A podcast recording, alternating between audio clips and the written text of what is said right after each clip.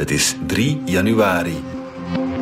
Dit is vandaag de dagelijkse podcast van de Standaard. Ik ben Yves de Lepelaire.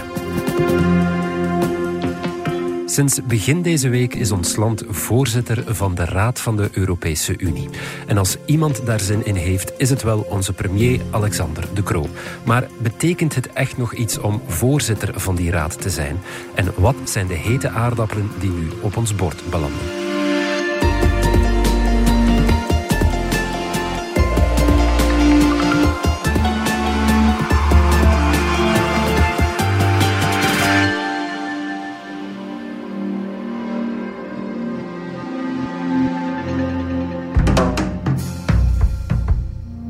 Beierland, welkom en eerst en vooral gelukkig nieuwjaar. Jij volgt voor onze krant al een aantal jaren de Europese Unie en het eh, wordt een bijzonder jaar voor jou. Toch wel een beetje, ja. Dus België is uh, nog eens tijdelijk voorzitter van de Raad van de Europese Unie. Dus het is van 2010 geleden toch. En misschien nog belangrijker, er zijn in juni Europese verkiezingen. Ja. En volgens alle peilingen zal uh, radicaal rechts daar serieus doorstomen in het Europees Parlement. Dus uh, ja, het wordt een hectisch jaar, ja. En de inzet is uh, groot. En de inzet is groot, ja. ja alle ogen zijn dus op uh, België gericht. Onder dat gesternte begint ons land als voorzitter van die Raad van de Europese Unie. Dat is een tijdelijk voorzitterschap. Het duurt zes maanden. Ja, het is niet de eerste keer dat België roterend voorzitter wordt. Hè? Nee, de vorige keer, het is de dertiende keer. Ja. Vroeger toen we met minder waren dan 27, volgde dat sneller op elkaar. Nu is het dus van 2010 geleden. Nu, dat, dat roterend voorzitterschap heeft ook wel een beetje van zijn glans verloren. Omdat je nu heb je dus een vaste voorzitter van de Europese Raad, Charles Michel. Je hebt ook een uh, hoge vertegenwoordiger voor het buitenlands beleid van de EU, dat is Borrell. En dat had je bij de vorige voorzitterschappen niet, waardoor bijvoorbeeld een Belgische minister van Buitenlandse Zaken of de Belgische premier een veel grotere rol speelde. Ja. Dat is nu minder. Bart, wat betekent dat voor jou? Ben jij nu de primus onder de collega's van andere landen? Want jij zit nu toch het uh, dichtste bij de bron als Belgische ja, journalist. We proberen natuurlijk altijd de primus te zijn van de collega's. Uiteraard, zeker. Maar er zijn er dus ongeveer 800 correspondenten in Brussel... die dus vooral hier zitten om de Europese Unie te volgen. Stel je dus niet te veel voor van uh, die speciale contacten... want het zou zelfs omgekeerd kunnen werken... dat de Belgen iets terughoudender zijn dan anders om, om iets te vertellen aan ons. Omdat ze niet willen dat de anderen gaan denken van... de standaard heeft iets gekregen ja. van de Belgen als voorzitter. Uh, bovendien, die concurrentie speelt nu enorm. Hè? Dus die zullen uh, waanzinnig lastig gevallen worden. Die woordvoerders, die diplomaten. Dus het wordt denk ik moeilijker voor ons dan, dan uh, anders. Ja. Leg nog eens goed uit wat het betekent voor een land als België om voorzitter te zijn van, van die Raad van de Europese Unie. Is, is België nu de baas van Europa? Want we hebben toch, Charles Michel is toch de president Just, van ja. Europa? Ze hebben het uh, niet makkelijk gemaakt in Europa. Er is eigenlijk niemand baas. Mm -hmm. Je hebt dus Charles Michel, die is voorzitter van de Europese Raad. Dat wil zeggen, de bijeenkomsten van de regeringsleiders. Hij zit die voor en moet proberen daar alle neuzen op één lijn te krijgen. En dan heb je de vakministers die bijeenkomen over de specifieke dossiers. Mm -hmm. En daar wordt België nu tijdelijk voor zes maanden voorzitter van. Dat wil zeggen dat wij daar eigenlijk aan de knoppen zitten. Wij gaan daar onderhandelen met het Europees Parlement, met de commissie, namens de lidstaten. Maar we zijn dus niet, helemaal niet baas. Integendeel, hè. we moeten eigenlijk ons een beetje terugplooien en ook praten namens de 27. Onze positie wordt in zekere zin minder belangrijk. Wij moeten compromissen, het compromis onder de 27 verdedigen tijdens die onderhandelingen met het Europees Parlement en met de commissie. Maar de taak van België is om in allerlei dossiers van die vakministers ja. dus altijd op zoek te gaan naar een ja. compromis onder de 27. Ja. En dan in die onderhandelingen met. Ja. Want dus er liggen ongeveer 140 dossiers nog op de plank. Mm -hmm. Dat is veel te veel. Het is bovendien een heel bijzonder voorzitterschap, omdat er dus vanwege de Europese verkiezingen een deadline is van half februari, eind februari. Daar moet alles afgeklopt worden van die dossiers. Dus er wordt een, een selectie gemaakt, onvermijdelijk. Er zijn dingen die helemaal niet kunnen landen. Mm -hmm. En er zijn dossiers die wel nog kunnen landen. En dus we hebben maar eigenlijk anderhalve maand à twee maanden om die onderhandelingen af te ronden met het Europees Parlement en met de commissie. Want dan moet dat nog eens in juridisch sluitende wetteksten gegoten worden. Dan moet dat vertaald worden in alle talen. Om dus alles rond te krijgen om voor alles juni. voor de Europese verkiezingen. Want ja, het parlement gaat dan ook uh, in reces. Dus de tijdsdruk is enorm. Ja. Het wordt echt een spurt. Dus het is wel sneu voor België dan dat we net op dit moment voorzitter worden. Je kunt het sneu noemen, je kunt het ook een voordeel noemen, omdat er natuurlijk enorme tijdsdruk is. Mhm. Vanwege die druk van radicaal rechts dat zou kunnen scoren bij de Europese verkiezingen, is er een zekere druk vanuit het parlement en ook vanuit de lidstaat om te tonen van kijk, we kunnen deals afronden. Ja. En dat is bijvoorbeeld deels gelukt met dat migratiepact. Hè. Ja. Radicaal rechts is natuurlijk uh, migratie, daar, daar uh, teren ze op, om, om zo te zeggen. En dus je voelde die druk van, jongens, we moeten hier met een akkoord komen, zodanig dat we naar de kiezer kunnen gaan en kunnen zeggen van, ja, maar nu hebben we Ja. een oplossing voor het migratieprobleem. Dus België kan misschien wel profiteren van een zekere welwillendheid Ik denk dat wel, de ja. lidstaten Ja, om te tonen Iets van, meer toegeeflijk eh, van we moeten een compromis hebben. Terwijl dat anders, als je bijvoorbeeld in het begin van die legislatuur ja, dan, dan eh, kun je makkelijker tijd winnen en Ja. zeggen van er rest ons nog tijd genoeg. dus we gaan wat traineren en we gaan het een beetje traag gaan doen. Dus het kan ook goed nieuws zijn voor premier Alexander De Croo, want die staat natuurlijk wel in de belangstelling. De Croo, maar ook de ministers. Hè, de Ja, vakministers, vakministers, die dan ja. eigenlijk bijvoorbeeld de Moor, eh, Nicole de Moor, eh, zal dus moeten proberen om dat politiek akkoord over het migratiepact echt te doen landen. Zodanig dat dat compleet afgesloten wordt, dat de stemming in de, onder de lidstaten eh, succesvol is, Europees Parlement. Dus ja, ieder, al die ministers lopen eigenlijk wel in de kijker. Straks kijken we nog eens naar een eh, paar dossiers waar ons land de komende maanden de forsing zal moeten voeren. Maar eerst gaan we er even uit voor reclame en die is vandaag wel heel toepasselijk. Hallo, ik ben Lisa Naert, West-Vlaamse, Belg, maar ook Europeaan. In 2024 zet België als voorzitter van de Raad van de EU mede lijnen uit voor nieuwe Europese wetten. Een reden dus om te kijken achter de schermen van de Europese Commissie. De Europese Commissie. Wat is ze, wat doet ze en hoe verandert ze mijn en ook jouw leven? Je ontdekt het samen met mij in Wij Europeanen.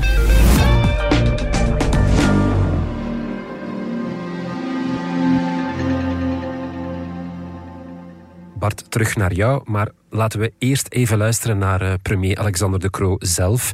Die zei voor het begin van het eh, voorzitterschap op een eh, persconferentie welke accenten hij wil leggen. First of all, protect our people. Secondly, strengthen our economy. And third element, prepare for our shared future. Bart, jij weet wat eh, de premier daarmee bedoelt, want je had kort voor nieuwjaar ook nog een eh, gesprek met hem. Hè? Klopt, ja. Protect Our People zal vooral slaan op migratie. Maar waar hij de absolute prioriteit wil van maken, dat is dus die verzoening tussen die Green Deal en die industrie. En onze maken dat die industrie die Green Deal kan toepassen. Want alles is eigenlijk wetgevend min of meer afgeklopt. Niet alles. Hè. Maar nu moet die uitvoering volgen. En, en hij maakt zich grote zorgen over die impact van die Green Deal op onze economie en onze industrie. En dat accent wil hij echt eh, naar voren schuiven. En dan is een van die belangrijke wetteksten die daar moet afgerond worden, is dus die Net Zero Industry Act. Ook wel een vreselijk woord om. Maar de bedoeling is dat de bedrijven die, die actief zijn in de sector van groene technologie hun productie in Europa kunnen opvoeren. Het gaat dan over onderdelen voor eh, windmolens, eh, voor zonne-energie, eh, noem maar op. Om minder afhankelijk te worden van China bijvoorbeeld. Ja. En dat is dus een, een, een dossier dat echt cruciaal is voor de Kro. Laten we kort luisteren naar wat De Croo daarover onlangs zei in Ter Zake. Kijk, wij gaan geen ecologisch paradijs worden op een industrieel kerkhof. Hè. Een, een sterke industrie is de beste garantie om je klimaatdoelstellingen te halen. De grote vraag is, hoe gaan we het realiseren? En als je kijkt naar de omstandigheden vandaag, dan zal het zo zijn dat het voor een aantal industrieën zeer moeilijk, zeer duur zal zijn om het te realiseren. Als hij dat wil hard maken, we gaan onze industrie helpen, dan is deze wettekst heel belangrijk. En dan moeten die absoluut rond krijgen voor eh, eind februari. En eh, dan hebben we het nog niet over wat er allemaal in de wereld eh, kan gebeuren. Kijk, twee jaar geleden de oorlog in Oekraïne plots blijft een heikele kwestie ook. Hè? Inderdaad, dus op de Europese top in december hebben de leiders met heel veel moeite beslist dat er toetredingsonderhandelingen zullen beginnen met Oekraïne, ook met Moldavië. Dus gebeurt ondanks het verzet van Viktor Orban, mhm. die dus per se tegen die uitbreiding is, omdat hij zegt dat is een domme beslissing. En dan hebben ze daar een handigheidje voor gevonden. Hadden ze Orban gevraagd om eventjes de zaal te verlaten. Om een koffie te gaan drinken. Volgens anderen uh, hadden ze hem aangeraden om te gaan plassen, maar dat is allemaal geruchten. En dan konden ze beslissen dus met 26. Dus Orbán onthield zich. Ja. Dus dat hebben ze erdoor gekregen. Maar het volgende is nu, Orbán bleef dwars liggen over die financiering voor Oekraïne, want Oekraïne heeft dringend geld nodig om het overheidsapparaat draaiende te houden, om mhm. pensioenen te betalen, ambtenaren te betalen. En dus er was een voorstel om 15 miljard euro bijeen te brengen met leningen, met giften. En daar heeft dat, dat Orbán heeft dat blijven blokkeren. En dus op 1 februari komt er een nieuwe speciale Europese top. Mhm. Waar men gaat proberen uh, dat te deblokkeren. En dus dat is, uh, Michel moet dat natuurlijk oplossen, maar uh, de Croo zal daar nu ook zijn rol in spelen. En als Orbán het been blijft stijf houden, dan gaan ze op zoek moeten naar een plan B eh, om het dus te financieren zonder Hongarije. Mhm. Dus dat is nu het volgende heikele punt voor Oekraïne. Ja. Maar en dan weten we natuurlijk ook niet hoe het evolueert op het, op het terrein het ziet er eh, niet echt goed uit voor de Oekraïners. Dus dat kan ook een, een, een, rol gaan spelen van stel dat het echt uh, slecht gaat voor de Oekraïners op het terrein, wat gaan we dan doen? Ja. We zitten ook met die kwestie van die wapenleveringen. Ja. Eh, dat gaat ook niet, niet snel genoeg. Uh, onze industrie moet opschalen. We hebben daar vertraging. We hadden beloofd om 1 miljoen granaten te leveren aan de mhm. Oekraïners. We zullen dat niet halen. Dus dat zal allemaal onvermijdelijk uh, naar boven komen. Ja, het zal zeker die agenda blijven domineren. Je noemde ook al uh, Moldavië, dat ook lid wil worden van de club. Hoe zit dat nu met die uitbreiding van Europa? Hoe, hoe kijkt de Kro daar tegenaan in ons land? De Kro, zijn slogan is... Before we get bigger, we need to become better. Mijn boodschap is, is zeer duidelijk. Before we get bigger, we need to get better hij, en niet alleen hij, is eigenlijk tot de conclusie gekomen dat we op een kruispunt zijn beland dat het zo niet verder gaat. En zeker niet als we gaan uitbreiden. Dus de beslissingsvorming wordt moeilijker. En je merkt dat bijvoorbeeld bij Orbán. Ja. Die dus in zijn eentje belangrijke dossiers kan blokkeren. Mm Omdat je in principe Omdat je vaak unanimiteit ja, onder de 27 nodig hebt. Maar sowieso, met die nieuwe lidstaten die er zitten aan te komen, zal België een belangrijke rol moeten spelen. Het is de bedoeling om tegen het einde van het voorzitterschap een document te hebben. Van hoe moeten wij verder? Wat moet de Europese Unie doen? Hoe moet de Europese Unie veranderen, haar werking veranderen? Om die extra landen te kunnen verwelkomen en om te maken dat de boel niet stilvalt. Ja. En dat wordt dus na dus dat wetgevend werk, dat eigenlijk tegen eind februari moet afgerond zijn, dat wordt de tweede prioriteit, vooruitkijken. Ah ja. En dat is dan, wat gaan we nog samen doen? Als we met meer dan 27 zijn, moeten we blijven zoveel geld steken in landbouwbeleid. Ja. Moeten we zoveel geld blijven steken in cohesiebeleid. De cohesiebeleid is dus bedoeld om armere regio's in Europa mm naar boven te trekken, naar het richting Europees gemiddelde. Maar natuurlijk, als je een land als Oekraïne erbij haalt dat zeer arm is, dat een enorme landbouwsector heeft, ja, dan is duidelijk dat dat waanzinnige gevolgen heeft voor. Dus kunnen we dat blijven doen? Hoe gaan we dat boeltje blijven betalen? Nu gebeurt dat via bijdragen van de lidstaten, hoofdzakelijk. Dus we stoppen, er zijn landen die geld toestoppen, er zijn er lidstaten die geld krijgen. Maar dat loopt dus vast, want iedere keer dat het over geld gaat, uh, duurt dat eindeloos lang. En dan is ook de vraag hoe gaan wij nog efficiënt beslissen. Als je, het is nu al dus heel moeilijk met 27. Hmm. Als je dus in dossiers waar je unanimiteit nodig hebt, als je daar met, met meer dan 30 landen moet beslissen, is dat houdbaar? Hoe gaan we dat doen? Moeten we bijvoorbeeld vaker de plaspauze van, van Orbán hanteren? Hè? Of de koffiepauze van Orbán en zeggen: wie het niet eens is, wel ja, misschien moet je de zaal even verlaten, maar blokkeer ons niet. Dus dat is een van die pistes die, die. Maar dus het is de bedoeling dat wij die, die, dat tracé uitstippelen van kijk, de volgende jaren moeten we het hierover echt eens worden, anders kunnen we gewoon niet uitbreiden. Je had het over het eh, geld en hoe we Europa gaan blijven financieren. Toen je het interview had met de premier viel je een beetje van je stoel, denk ik. Want je hoorde een liberale premier die plots nieuwe belastingen, Europese belastingen wil invoeren, mag ik het zo zeggen? Wel, we zaten in een zetel, dus dat viel nog mee. Maar ehm, het is zo, dus als je het niet meer kunt financieren vanuit de lidstaten, of als je zegt daar is de grens bereikt, dan moet je gaan kijken naar, moeten we zorgen voor eigen inkomsten van de Europese Unie. Ja. En dat is een debat dat al decennia woedt. En een van die pistes is dus een financiële transactietax. Dus een tax op financiële transacties. Daar is heel veel studiewerk over gebeurd. Dat, dat zou een aardige duit kunnen opleveren.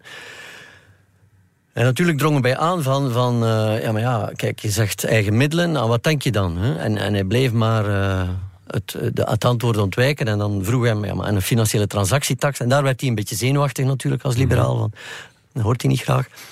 En dan, ja, de uitvlucht is dan van, ja, maar ik kan, ik kan hier nog niet aan mijn kaarten laten kijken, want uh, als ik nu al zeg financiële transactietax, dan verzwak ik mijn onderhandelingspositie. Ja. Maar dat is een van de thema's die onvermijdelijk, als je dus spreekt over de financiering en, en eigen inkomsten, ja, dat is dan een van de pistes die, die veel geld kan opbrengen. Mm Ik kan me nu al inbeelden dat het een argument in de verkiezingen gaat worden van uh, sommige partijen willen extra belastingen invoeren. Dat zou kunnen dat sommigen dat beginnen uit te spelen. Bijvoorbeeld radicaal rechts ja. uh, heeft al migratie, kunnen dit ook beginnen uitspelen van, uh, ja.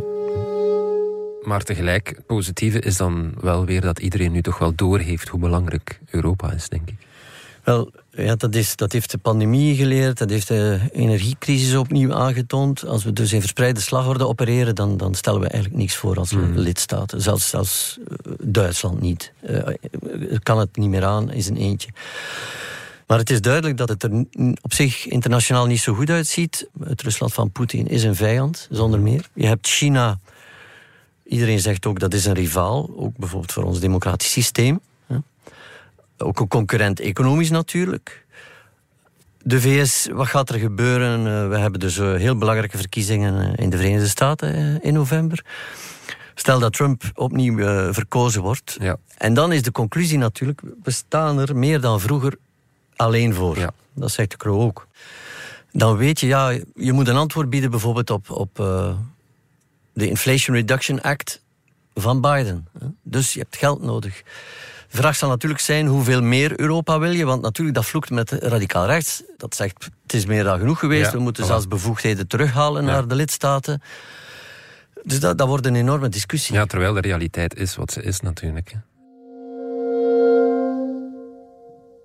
Tot slot, Bart, de verwachtingen zijn dus hoog. Zijn ze in Europa blij dat België nu het stokje overneemt? Eh, toch wel. Hè. We hebben een, een, zeer goede reputatie. Bij vorige voorzitterschappen uh, altijd uh, heel succesvol geweest. Ook al hadden we een regering in lopende zaken. Dus dat schept vertrouwen, dat schept ook verwachtingen. Ten meer omdat we de volgende tijdelijke voorzitter is Hongarije, van Viktor Orban. Dus daar verwacht niemand iets van. Ja. De Belgen hebben natuurlijk in, in de vingers om compromissen te sluiten. Dat zegt de Kro ook. Hè. Dat zit in ons DNA. Dat is een beetje, een beetje overdreven, misschien en belachelijk. Maar goed, Belgische politici weten hoe ze compromissen moeten maken. Dus we hebben daar inderdaad de reputatie. En, en je hoort inderdaad dat de verwachtingen zeer hoog zijn. Ja. Oké, afspraak in uh, juni. Bart Bijland, bedankt. Dit was vandaag de dagelijkse podcast van De Standaard. Bedankt voor het luisteren. Volg ons op Spotify, Apple Podcast of eender welk ander podcastplatform. In onze gratis FDS podcast kan je niet alleen ons werk beluisteren, maar ook de beste podcasttips terugvinden. Alle credits van de podcast die je net hoorde vind je op standaard.be-podcast. Reageren kan via podcast.standaard.be.